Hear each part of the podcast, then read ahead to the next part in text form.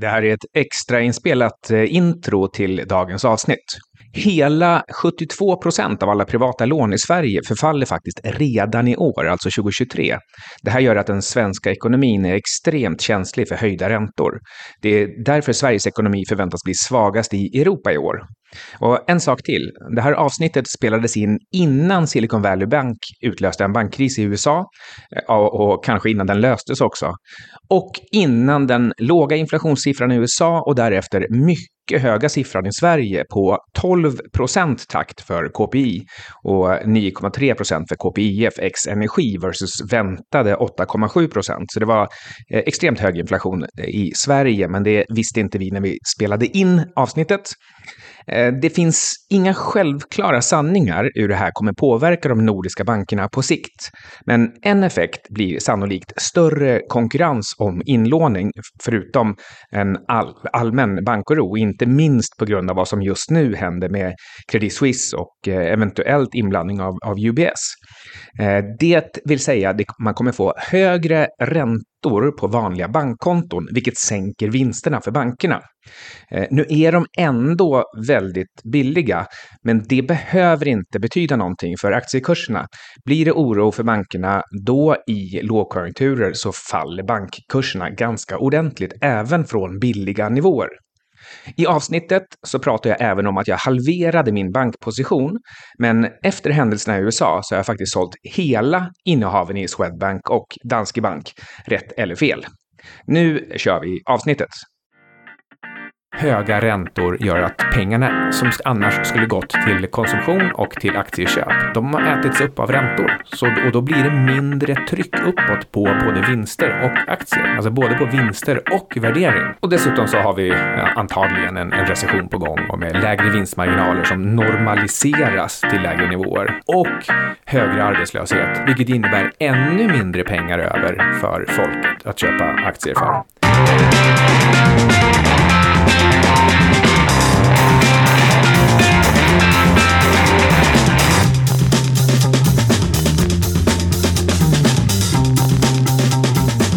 可以。Du lyssnar på 25 minuter med mig, Carl Mikael Syding. Och mig, Ludvig Sundström. Idag ska vi prata om huruvida aktiemarknaden är på väg upp eller ner eh, från och med nu då, då i mars 2023. Eh, det här passar ganska bra också in med att finanskursen snart eh, startar, så glöm inte att gå in på finanskursen.se och, läsa på mer ifall du är intresserad av fundamental aktievärdering. Jag ska gå händelserna lite i förväg först, och det är att jag tror ju personligen att index ska långt ner från dagens nivåer. Anledningen till att jag tror det här det är framför allt att högre räntor, det kan ju knappast ha undgått någon, högre räntor leder till eh, väldigt höga boendekostnader men också andra, andra lån kostar ju förstås, även för till exempel företag som ska göra investeringar. Men då, högre räntor Eh, det utgör en stark motvind för att det tar bort pengar från alla andra platser. Det, det gör att och, och höga, eh, vi har haft låga räntor i flera decennier och till och med fallande räntor. Det blir en, en ständig medvind som gör att det blir, man får mer och mer pengar över efter räntor. Det blir lättare och lättare att låna också till, till låga räntor. Um, men så att den medvinden, den är nu borta och har blivit motvind. Det gör att det finns mindre pengar över både till att köpa saker som ger vinster för företagen och det blir mindre pengar över för att köpa aktier. Ja, så är det också det här med obligationsmarknaden som då får mer kapital när det är hög ränta relativt aktier medan mer pengar går in på aktiemarknaden när det är låga räntor för då, då är det uppenbart att man inte tjänar så mycket pengar på obligationer. Ja, så alternativavkastningen, alltså förut var man tvungen, om du inte hade aktier, då var du i princip tvungen att ha det i kontanter eller på ett nollräntekonto någonstans och det ville du inte nästan till något pris alls och då var det bättre att alltid köpa aktier. Och så var det ju sista 10 plus åren. Ja, det var det som var there is no alternative to stocks, TINA. Ehm, så, och, och, nu, nu kan man ju köpa amerikanska statsobligationer med och få 5% ränta. Plus Fortfarande lägre än inflationen dock. Ja, ja, plus dollareffekten. Så det kanske slår inflationen för oss i, i Sverige. Går nu ut noll kanske. Och sen har vi eh, till exempel värderingarna som de är alltså fortfarande mätt som price sales. De är högre än de var på toppen av år 2000-bubblan. Eh, och om du inte vet vad price sales eller, eller värdering för den skulle generellt sett betyder så rekommenderar jag att du går in på finanskursen.se. Ja, nästa kursomgång börjar 2 april. Ja, så observera. Eh, jag tror alltså att det ska ner, men det finns liksom alltid bra enskilda aktier eh, som är lågt värderade i förhållande till deras framtida vinster om några år. Och eh, finanskursen, den, den lär ju då ut sådana här saker, prognosmetoder och värderingsmetoder. Men, kanske lika bra att säga på en gång, jag lär ju förstås inte ut hur man spår framtiden, utan det här handlar om metoder för att räkna på sannolikheter för att ett visst resultatutfall ska bli fallet och ett visst, en viss typ av värdering av det här resultatet i framtiden som då, som då bygger på hur det har sett ut historiskt. Så i, i kursen så diskuterar vi också aktuella exempel på aktier som jag eller deltagarna tycker är extra intressanta just nu. Och, och då ligger som sagt fokus ligger på vinstprognoser prognoser och värderingsmetoder. Men vi sätter också de här investeringsidéer i ett större sammanhang, det vill säga makroekonomianalys och även teknisk analys av kurserna. Mm. Så om man vill bli garanterad en plats så bör man göra en tidig ansökan senast 26 maj. 26 mars. Oj, 26 mars menar jag. Så kursen börjar 2 april och gör den här tidiga ansökan senast 26 mars om du vill vara med den här gången. Mm. Hur vet man om börsen ska gå upp eller ner? Det vet man ju inte. Eh, men man kan ju tänka på vad som är mest sannolikt givet eh, nuläget och vad som har hänt innan. Och eh, då i första hand så hade vi den här ganska plötsliga stora uppgången från oktober till ja, men typ januari, februari. Och nu har det stått lite stilla sedan dess och nu har de höjt räntan och kommer säkerligen höja mer nu framöver. Och ja, det borde nog gå neråt ganska mycket då. Det brukar ju sägas att det blir sådana här bear rallies när det är en recession istället för en bull market. Så att liksom den stora trenden kan vara neråt men sen kan det studsa uppåt väldigt mycket under tiden på kort sikt. Men sen går det ner igen på lång sikt. Och nu har det nog antagligen varit ett sånt bear rally ganska stort. Och det där är ett utmärkt exempel på hur man kan lära sig av histori historiken. Om man tittar på hur det såg ut 2001, 2002 och 2007, 2008, 2009 som var två perioder då det gick ner väldigt mycket under två, tre års tid då var de, de här eh, bear market rallies, eh, de, de kom om och om igen. Det, det kunde liksom studsa 10, 20, 30 procent inom den här större nedgångsfasen. Det gjorde även att eh, i oktober nu senast här då, eh, eh, 22, då höll jag det för sannolikt. Det var inte så att jag gjorde en, en hård prognos om att så här måste det bli, men jag höll för sannolikt att nu kommer ett till sånt bear market rally och det kommer antagligen gå längre än man tror, längre än jag tror. Det stämde också extremt väl in i mönstret från just 2001. För då var det först en, eh, eh alltså det var liksom under en, en 14-15 månaders period så gick det ner lika mycket och sen studsade lika mycket och hamnade därmed lika långt under toppen i båda de här fallen. Så att det, det är liksom eh, Mönstret från 2001 var så oerhört likt. Dessutom så i båda fallen så var det så att uppgången var ledd av techaktier och nedgången var ledd av techaktier och studsen var ledd av techaktier. Även om den här studsen den här gången, då var det också en hel del eh, lite mer defensiva saker som banker och olja som, som faktiskt studsade rätt bra.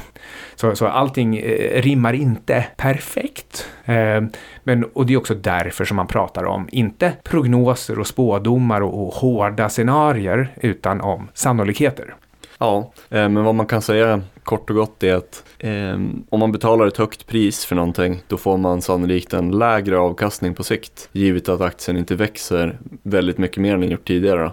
Ja, och, och, och, då har man de här sannolikheterna. Om du betalar billigt så ska du i, i, ha en viss sannolikhet för att få eh, en, en, en, eh, en högre avkastning på sikt. Men, men eh, nu är det också så här, börsen de facto, den går ju upp och ner ganska, ganska mycket. Eh, ibland gör den det i flera år och det är inte, alltså det är inte, det är inte rimligt eller effektivt eller en, en eh, stabil summa av de kommande 50 årens vinster som det kanske egentligen ska mäta. Eh, så frågan är, var, hur kan det komma sig att, att kurser och hela börser kan gå upp och ner så här mycket och till och med under ganska långa perioder? Alltså det, det, har med, det har med, återigen då, med de här två faktorerna som jag alltid återkommer till. Ehm, och, och, det är eh, ett, vinster och två, värdering. Mm. Vi har ju affärscykeln i allmänhet som brukar pågå, vad brukar man säga, 57 år ungefär. Mm. Och då, kan, då brukar boomen bust liksom. Eh, men nu har det varit ett undantag då med låga räntor, historisk anomali, eh, nollräntor plus 10 år liksom. Det har aldrig hänt förut. Så det är ju annorlunda den här gången på riktigt faktiskt. Men om man bara zoomar ut lite så har det ju alltid haft boomen bust cycles innan, bara att nu är det lite fördröjt kanske. Eh, och då har det ju först och främst som sagt affärscykeln eller business cycle. Sen så har du ju räntecykeln, höga och låga räntor som påverkar det här, liksom påverkar eh, likviditeten och inflödet och utflödet av kapital på marknaden. Och sen i tredje hand så har man ju den här faktorn av psykologi som är att folk tenderar att överreagera på uppsidan och nedsidan. Så de blir övereuforiska och ja, betalar en miljon kronor för Dogecoin och sånt där eh, kryptomemes och allt vad det är. Och, eh, no highs, no lows, ja. just Doge. ja, men sådana grejer. Och de här boring apes, aporna och grejer. En JPEG-apa liksom för en miljon. Eh, och sen inser de att det inte är värt någonting alls. Eh, och ja, säljer dem för noll kron en krona liksom. Ja, och, och, och återigen då. Eh, det här är, det är psykologi. Det här är, det är tendenser och mönster som påminner om varandra i historien. Du nämnde ett antal olika cykler som tenderar att upprepas. Det betyder inte att man kan förutspå De brukar de... sammanfalla också när, i extrempunkterna. När det är som värst och som eh, mest optimistiskt. Och det här beror på att vi människor gillar att springa i flock. Vi påverkas av de runt omkring oss. Vi vill göra ungefär samma sak som dem, de flesta av oss. Sen finns det vissa födda contrarians, men det är inte, det är inte riktigt bra att alltid vara contrarian heller. Snarare så är det 80 procent av tiden är det bra att springa med flocken. Och, och, det svåra med att vara contrarian, det är att du måste vara det bara ibland, bara vid de absolut mest extrema tillfällena. Då bakar du in en bra sannolikhet i kakan för att du kommer få en mycket annorlunda avkastning än alla andra. Det är det det innebär att göra tvärt alla andra. Du bygger in en sannolikhet för att du får något, ett helt annat utfall. Och du vill ju ha ett helt annat utfall. Det är bara det att du vill bara ha det där helt andra utfallet på uppsidan. Ja, och var contrarian med rätt tidpunkt, då hade man köpt olja eller uran eller kol eh, innan eller under covid eller ungefär vid den tidsperioden. Eller en bit efter det köpt oljetankers trots att de hade haft många, många år av förluster för att sen få högsta fraktkostnaderna på sista 15 åren typ. Jag hade ju faktiskt lite tur där att jag råkade ännu en gång bli väldigt, väldigt bullish på bitcoin när den var i, 7000. Eh, och den gick från 7000 till 70 000 på, ja men det var väl ungefär ett år. Eh, det var ju samma veva som, som några av de här små aktierna som, eh, som vi höll på med och som kanske mest jag höll på med med Lustiga huset-trappan eh, gjorde att det blev 1500 procents avkastning i min privatportfölj. Eh, men eh, Ja, frågan är om det var så himla contrarian egentligen, för eh, det välde in riskvilliga pengar på marknaden på grund av stimulanser och på grund av att man satt hemma och det fanns inte så mycket annat att göra än att ge sig in i världens största kasino. Nej, det var nog inte så contrarian. så så vad, vad, som, vad som hände då och vad som tenderar till att hända om och om igen, och det är därför vi får de här cyklerna, det är att det finns en kombination av eh, mänsklig grupppsykologi, det här att springa i flock, när man märker att det börjar springas åt ett visst håll, då blir det fler och fler som, som eh, eh ja, deltar i, i just, just det loppet. Eh, och sen har vi också det att det finns naturliga variationer i ekonomisk aktivitet. De, de uppstår av att det är lite innovationer och det är lite lagercykler inte minst. Alltså vissa branscher har, särskilt tillverkande industri, de har längre cykler än andra. Gruvor är egentligen värst. Eh, det tar från att du får signalen om att det är brist på koppar till att du har lyckats starta eh, producerande tillräckligt många nya koppargruvor, det kan ta 15 år. Uran är värst av allt. Ja, på grund av alla tillstånd som krävs. Eh, så, och, och, det gör också att det blir oförutsägbart nästan var i cykeln man egentligen är någonstans. Mm, och det, det går längre och på oväntade sätt och sen när det väl blir en extrem missmatchning mellan supply and demand, då slår det i jättehårt och plötsligt. Men det är svårt att veta när. Och sen har vi en faktor till här och det är likviditetscykeln eller räntecykeln eller finanscykeln eller vad man nu vill, vill kalla den. Och, och det är att kanske eh, när investeringarna behövs som mest i den här typen av branscher, då finns det som minst likviditet över. Det är svårt att få lån till den typen av, av bolag för att de, de går med förlust och det går dåligt och du vet inte riktigt vad efterfrågan är. Eh, så, så, så eh, cyklerna skapas just av att, man, eh, eh, att det är så långa eftersläpningseffekter mellan vad man vill att situationen ska vara och vad den faktiskt är just då. Och det betyder också att när momentum väl får fart, då finns det någon slags uppdämt behov av att springa åt det hållet tillsammans. Ja, men vad man lite simplistiskt kan säga är att om man köper när alla är som mest optimistisk, då brukar det gå dåligt för då brukar man köpa dyrt och då brukar man få en lägre avkastning. Medan om man köper när det är ganska billigt och folk är pessimistiska eller, inte, eller helt enkelt bara ointresserade, då är det ofta ett bra läge. För då lyckas man ofta köpa billigt för det är inte så många andra som vill köpa. Ja, alltså det är egentligen lite fascinerande att det kan bli billigt och dyrt. Man tycker att det, det är så många intelligenta människor och robotar och andra system inblandade som gör sitt bästa för att göra riktigt bra affärer. Och ändå så har vi det här mönstret med att BNP-tillväxten, den skiftar lite grann från år till år.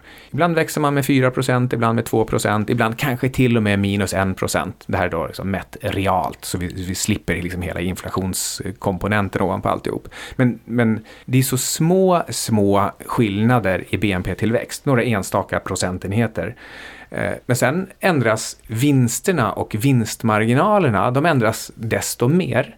Alltså genomsnittliga vinstmarginalen i USA, den är ungefär 6-7 procent. Men ibland är den det dubbla, alltså 12 procent på hela ekonomin.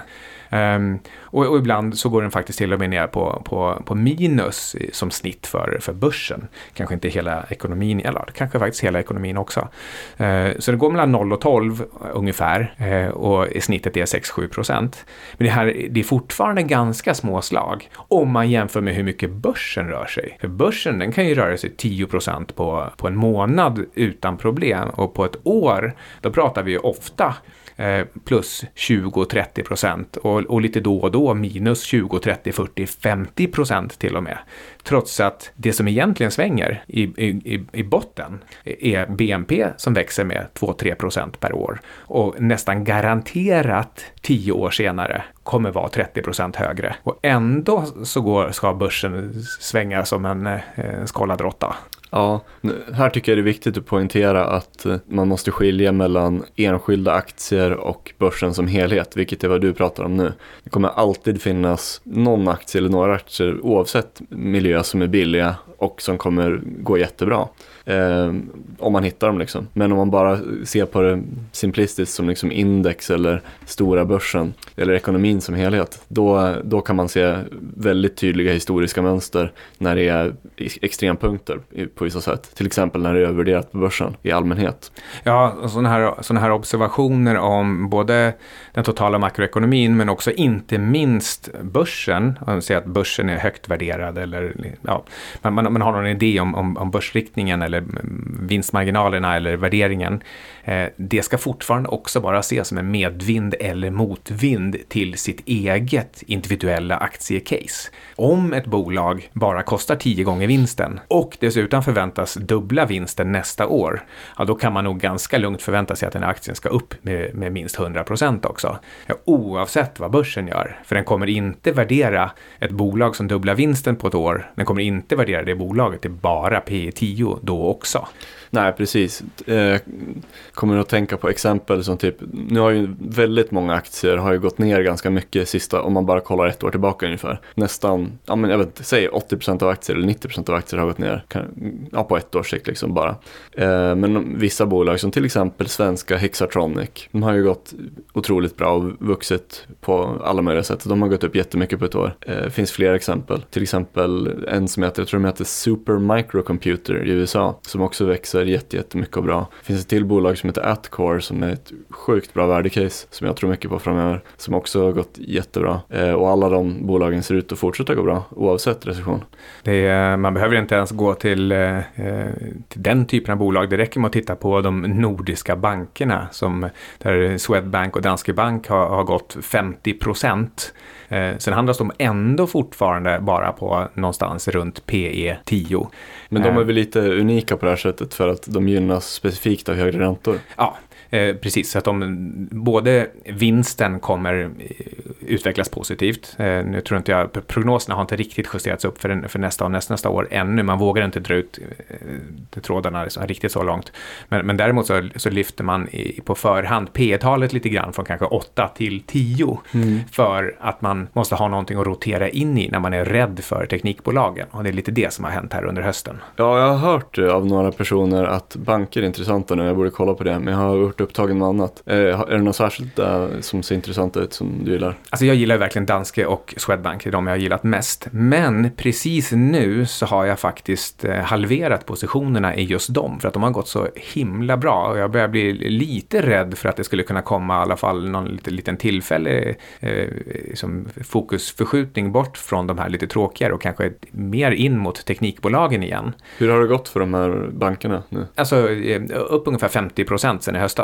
Oj. Och det, det, det låter ju helt fantastiskt. Men då ska man komma ihåg att de har varit på väldigt låga historiska värderingar. Ja, och just Danske och Swedbank var nedpressade av eh, penningtvättshärvor. Och, och Danske Bank tog fart strax efter att de fick sin böter på typ 15 miljarder. För då blir man så glad över att liksom äntligen ha det ur världen. Eh, men, men Danske Bank var fram till dess extremt billig. Alltså det, det är så otroligt att du kan få en nationell champion eh, för någonstans storleksordningen eh, P6. Men kollar du bara på P eller kollar du på PB? Nej, jag, jag kallar det bara för PE när jag eh, egentligen väger ihop precis allt möjligt. Jag väger ihop vinsten, risken för kreditförluster, vinsten för böter, risk för böter, jag kollar på price book, return on equity och, och så, så, väger jag ihop det, så triangulerar de här olika värderingsmetoderna. Men nästan alltid när jag pratar om aktier och aktievärdering, då väljer jag att bara kalla det för price sales eller price earnings, alltså bara PE eller PS. Det blir liksom mitt kortord för värdering. Jo, jo, jag, jo, jag hänger med. Men jag tänker att just det, det, det, det, funkar ju för de flesta aktier sådär. Men just banker är ju lite spe, speciella, som du var inne på. Med att de har balansräkningen är ju det som spelar roll. Mm. Och vissa har mer risk och kreditrisk som du säger. Och de kommer ju inte växa nödvändigtvis så mycket, många av dem. Särskilt när de är så stora eh, och i en mogen marknad. Liksom. Men däremot så kan de tjäna mycket mer pengar på utlåning med högre räntor. Mm. Men, men de, de växer ju ändå med själva ekonomin. Och, och nu så är ju BNP-tillväxt... Men plötsligt så får de en jättemycket högre marginal. Um, ja, alltså de, de, de tenderar ju liksom ändå till att hålla sin return on equity någonstans eh, runt 15 procent, alltså typ eh, mellan 13 och 17 procent. Det är sällan det blir så mycket mer än så. De är så omgärdade av regleringar och konkurrens. Det är, liksom, det är en oligopol där alla de liksom, fem, sex stora nordiska bankerna, de tävlar om exakt samma kunder. Så det blir en fråga om vem som har så låga kostnader att man kan få lite högre return on equity eller, eller är beredd att ge kall, avkall på marknadsandel eh, delarna för att istället då kunna ha lite högre return on equity. Men, men i, i slutändan så blir det ändå så att de här bolagen de, de, de, växer ungefär med BNP och då ska man ju kanske, det här kan låta lite, lite förvånande, men BNP-tillväxten i, i Sverige den är ungefär eh, 7% 7-8% Den nominella. Och det är nominella tal i bolagens resultaträkningar. Så, så Swedbank växer med ungefär 10 eh, och de har en return on equity på 16 procent. Eh, och det här gör att de kan, de kan dela ut 6 procent i dividend yield och ändå ha 10 procent kvar till sin equity så att den växer med 10 procent som då ligger eh, till, som grund fortfarande då för basen att kunna låna ut 10 procent mer även året efter det. Och så fortsätter det här självspelande pianot. Så, så, så banken växer med 10 procent per år och har en, en return on equity som den liksom återkommer till hela tiden, runt 15 procent. Ehm, så, så, så du får tillväxttakten på, på 10 procent per år eh, och utdelningen på 6 procent. Ehm, och det blir, det blir ganska mycket pengar med, med alltså 15 så på, på... Men hur många år i rad tror du att det håller? Ja, hur, hur många som helst, ungefär. Alltså det är, så, det är så mycket ekonomin växer och den finansialiseras lite mer också hela tiden så att det finns en, en, en liten effekt att man, man växer lite fortare än ekonomin. Um, så, och, och, men så här brukar det vara i ungefär tio år tills det kommer en finanskrasch. Men nu, nu hade vi en finanskrasch som var så hård 2008 att lagstiftningen efter det vad gäller just banker och bankers eh, balansräkningar, den, den, har varit så tvingande att den här gången så tror jag faktiskt att det dröjer 20 år innan man har liksom glömt bort alla läxorna från 2008. Mm, banker så, har ju i allmänhet varit eh, ganska hatade som sektor sedan dess och det är ju först nu de gått upp liksom eh, allmänt. Sen har det funnits fintechbolag som gått upp en del men just banker, traditionella banker har ju inte gått så bra de sista tio åren. Nej, man har ju varit rädd för bankerna också. Dels har det varit massa penningtvättshärvor.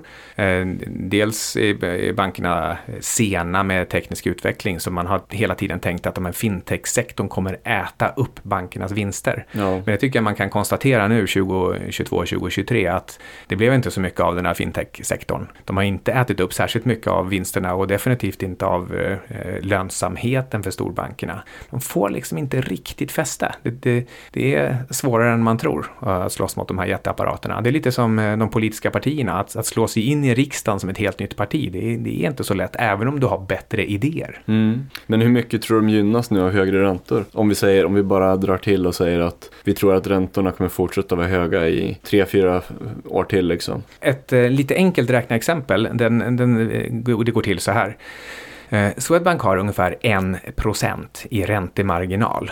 Det är alltså så mycket de lägger på. Alltså de, de, de får, om, om de får låna till 4% eh, totalt sett i snitt eh, så lånar de sen ut på 5% så att de tjänar 1% däremellan. Så då har de 20% marginal? Du har lyckats tälja loss 1% i marginal. Men eftersom du kan använda 15 gånger så mycket kapital som du egentligen har så blir din avkastning 15 procent. Mm. Det, det, det, är så det funkar. Så att de, de har en, en, en, enorm leverage. Att om, du, om de har 100 miljarder då får de låna ut 1500 miljarder. Det är det som är, är tricket. Eh, och då är det så nu när räntorna höjs snabbt, när räntorna går från 1 procent till 4 procent, då är det ganska lätt att gömma 0,1 eller 0,2 procentenheter och 0,1 eller 0,2 procentenheter jämfört med 1 procent, det är ju 10 eller 20 procent bättre. Så, och det är det som de kan lyckas med i, i det här klimatet, att de, de höjer din, eh, din bankränta lite långsammare. Men borde det inte bli så att det blir lite av en cell, eh, självkorrigerande sak som, som i cykliska sektorer där eh, när, när, när utbudet plötsligt stiger så sjunker efterfrågan. Alltså så det liksom korrigerar sig själv. Så att när det blir mycket högre räntor, visst banken kan kanske tjäna mer men de, folk vill låna mindre. Alltså säg att de, ja. de, de utställer allt det här, de har en maxkapacitet för hur mycket de kan låna ut. Och det är kanske flest, främst genom bostadsobligationer, eller? Folk eh, önskar nog att de hade tagit lite mindre lån på sina bostäder, men de kan inte göra så mycket åt det. Om du har lånat två miljoner till din lägenhet, det är inte så att du bara plötsligt kan betala tillbaka den. Man kan räkna på alltihop som att alla har rörlig ränta, för det är ungefär så det är i praktiken. Mm, ja, det är riktigt extremt där i Sverige. Hur stor andel av deras utlåning är bostadsobligationer. Du kan kalla det för att Swedbanks resultat, det är faktiskt helt enkelt bara hela deras bostadsutlåning eh, och räntemarginalen och sen gånger leveragen. Och då blir, då blir hela frågan om, om Swedbank ska vara mer eller mindre värt, det är om de kan smyga in så att det blir 1,1 procent marginal istället för 1, eller 1,2 till och med istället för 1,0. Nu har vi ju haft en, en, liksom en börsuppgång här, oktober till, till mars. Och jag tror att det här bara är någon slags halvtidsvila innan det tar fart igen, innan nedgången tar fart igen.